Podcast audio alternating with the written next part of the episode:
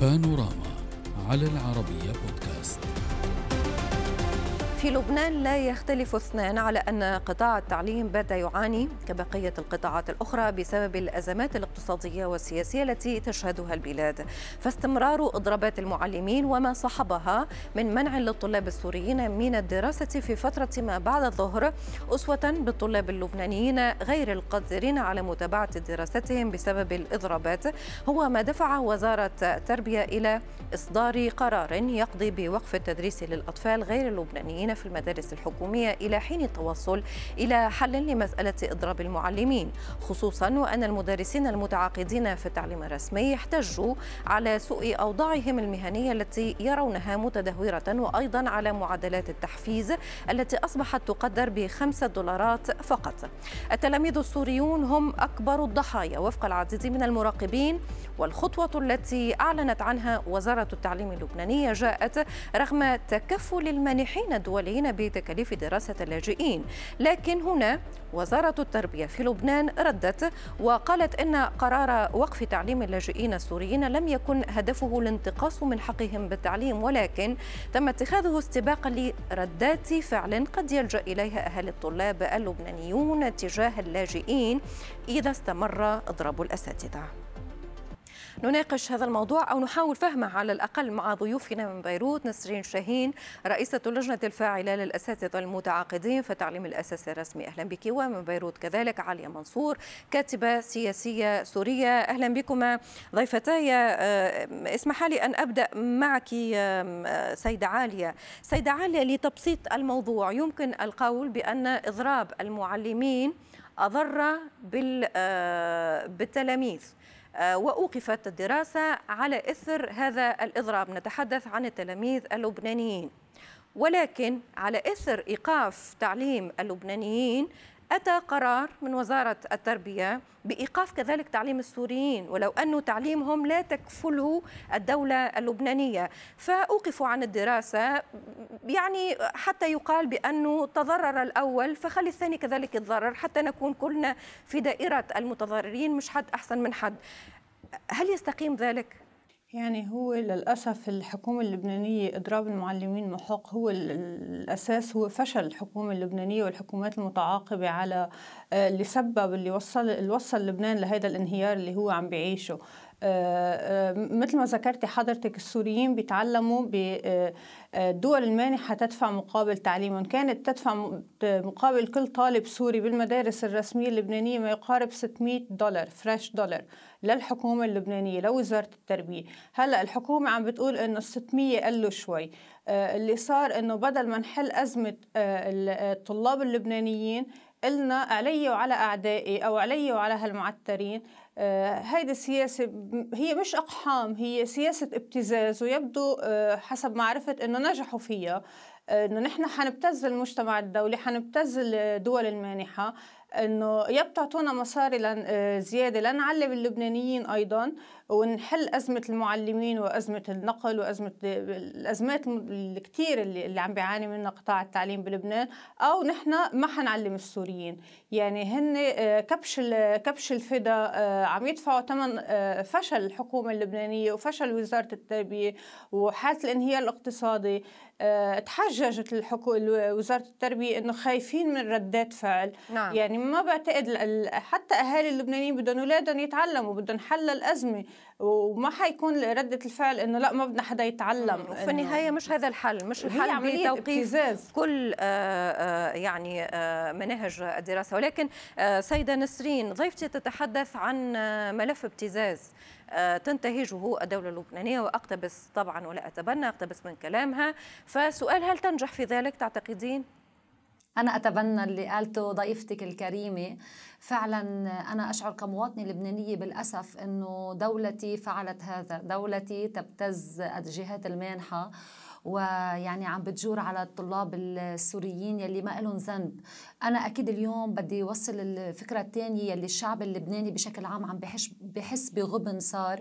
كونه عم يتأمن دعم للاجئين السوريين من فريش دولار شهريا من دعم صحي من دعم بالمدارس ولكن ما بيتحمل هيدا الشيء مسؤوليته الطلاب ابدا.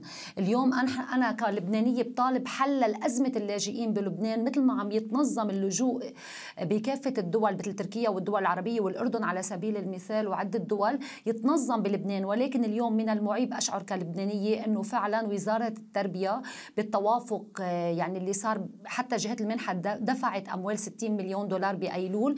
ونحن للأسف بين وزير المالية وبين رئيس الحكومة وزير التربية هيدي الأموال ما عم توصل لنا فاليوم اللي اعتمدوا وزير التربية ما بيتعلموا اللبنانية بالتالي ما بيتعلموا السوريين. فاليوم لا اليوم مش مطلوب أنا أوقف التعليم السوريين. بدكم تحلوا أزمة اللاجئين بتحلوها بالسياسي ونحن بنعرف إنه هي بدها حل سياسي. طيب ولكن أما نحن فأنا لك بعضهم اليوم كلبنانية صحيح ولكن سي... هذا ال... نعم ولكن سيقول بعضهم بأنه ليست هناك حلول. يعني طالما اتفقتما على أن هناك ملف ابتزاز اسمح لي أن أكون محل الطرف الآخر. وأن أنقل ما يصرح به الطرف الآخر. الطرف الآخر سيده عالية يقول بأنه لدينا مشكلة في تمويل المدارس اللبنانيه فنحن متخوفون فعليا من أن تكون هناك ردة فعل من عائلات لبنانيين. وبالتالي خلينا نوقف كل مناهج الدراسة نوقف التعليم في لبنان حتى نجد حل. هيدي اللعبة الخطيرة اللي كل مرة بتلعبها الحكومة اللبنانية والمسؤولين اللبنانيين إنه بيحطوا الشعبين بوش بعضهم.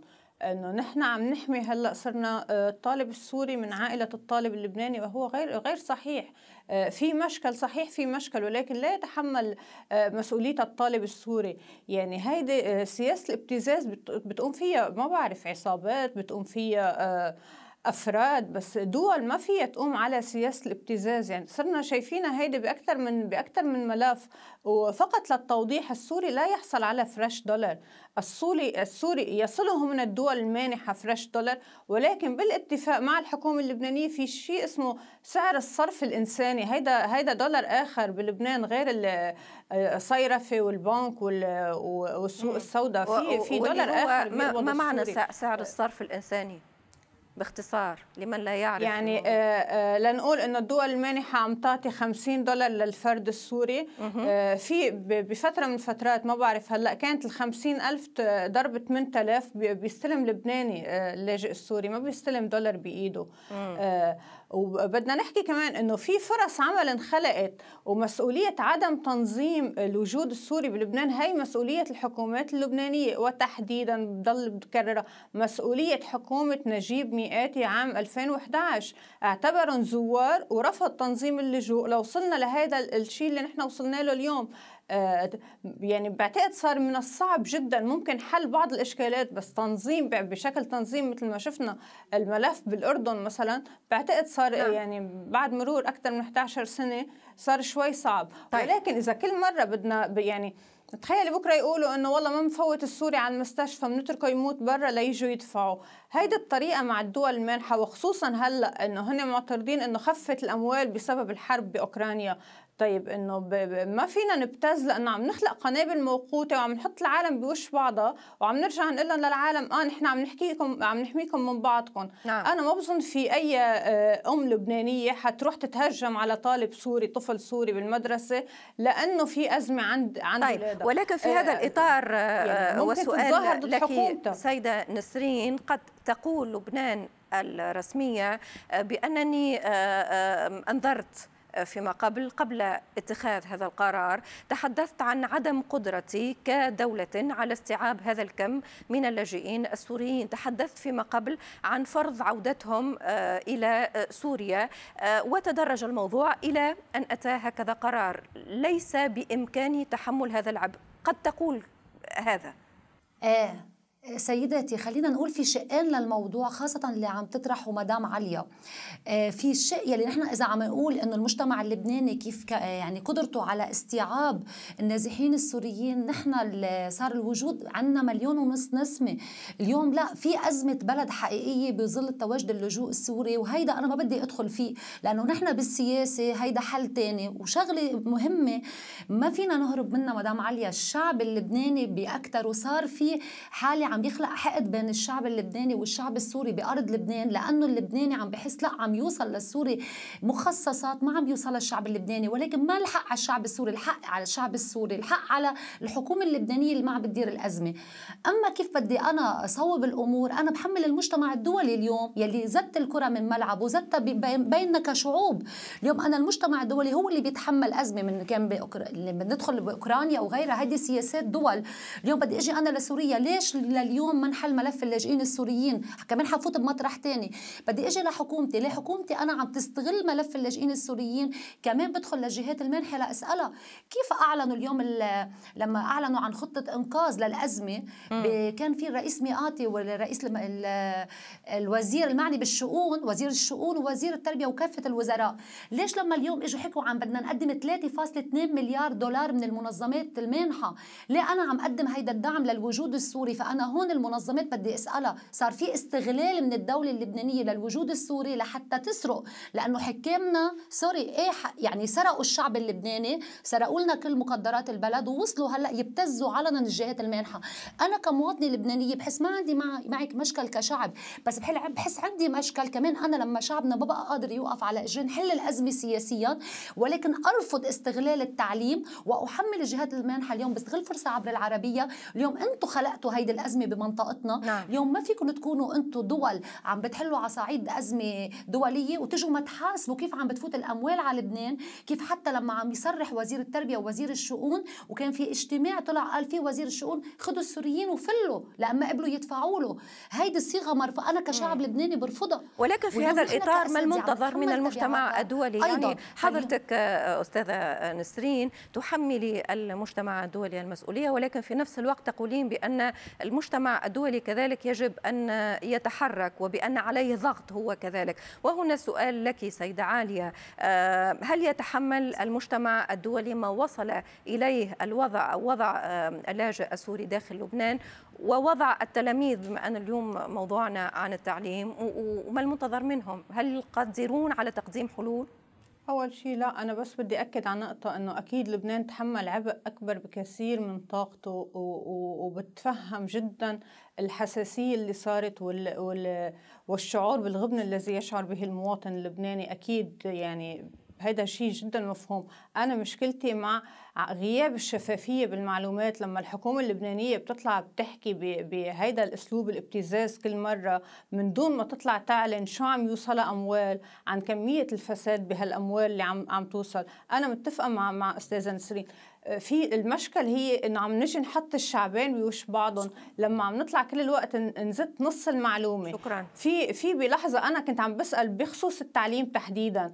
إنه آه، آه، ليه متمسكين بالطلاب السوريين بالمدارس الرسمية؟ انتهى التوقيت وأنا إجاني جواب يعني هو من من مسؤول بالحكومة اللبنانية إنه نحن إذا ما بتجي دول المانحه بتدفع للسوري المدارس اللبنانية أستاذة عالية طيب هيدا المعلومة أستاذة نسرين. انتهى تماما التوقيت. أعتذر الموضوع موجع فعلا. أشكركم على الحضور. السلام عليكم.